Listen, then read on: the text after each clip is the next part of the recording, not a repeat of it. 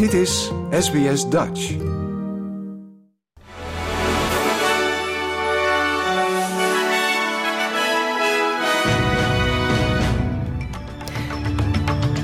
Dit is de SBS Nieuwsflits van woensdag 19 juli. Mijn naam is Paulien Roesink.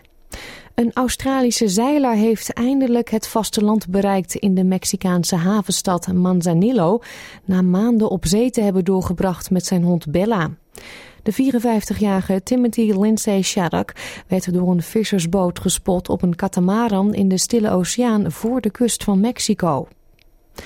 De mogelijkheid voor Australische rechtbanken om zaken betreffende nationale veiligheidskwestie in het geheim te behandelen, wordt onder de loep genomen tijdens een tweedaagse hoorzitting die vandaag in Canberra begint. Grant Donaldson, Australië's afhankelijke nationale veiligheidswetgevingsmonitor, zal regeringsfunctionarissen, inlichtingenbazen, openbare aanklagers en mensenrechtenadvocaten horen. Voormalig president van de Verenigde Staten Donald Trump zegt dat hij een brief heeft ontvangen van speciaal aanklager Jack Smith. Hierin staat dat hij het onderwerp is van een grand jury onderzoek naar pogingen om zijn nederlaag bij de presidentsverkiezingen van 2020 ongedaan te maken. Dit zou tot nu toe het duidelijkste teken zijn dat Trump, die aan kop gaat in de race voor het Republikeinse presidentskandidaatschap voor de verkiezingen van volgend jaar, mogelijk te maken krijgt met federale strafrechtelijke vervolging wegens zijn pogingen om aan de macht te blijven na de verkiezingsnederlaag tegen Joe Biden. De Wereldmeteorologische Organisatie waarschuwt voor een verhoogd overlijdensrisico als gevolg van het extreme weer in Europa, Azië en de Verenigde Staten. In de VS worstelt men met extreme hitte en rook van bosbranden uit buurland Canada. Op Hawaii wordt gewaarschuwd voor overstromingen door een tropische storm. En in Europa woeden bosbranden ten noordwesten van de Griekse hoofdstad Athene.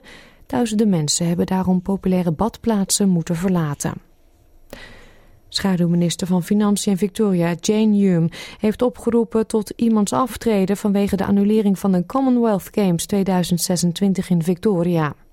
Gisteren kondigde de premier van Victoria, Daniel Andrews, aan dat zijn staat, waar die spelen oorspronkelijk zouden worden gehouden, niet langer zou hosten omdat kosten veel hoger uitvallen dan verwacht.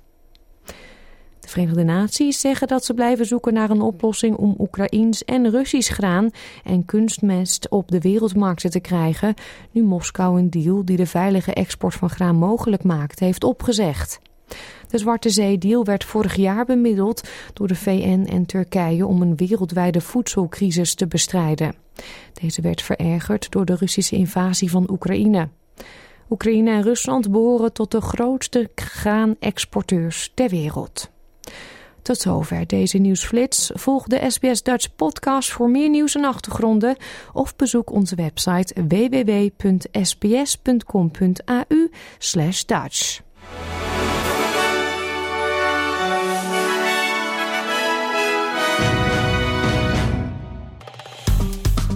Like, deel, geef je reactie. Volg SBS Dutch op Facebook.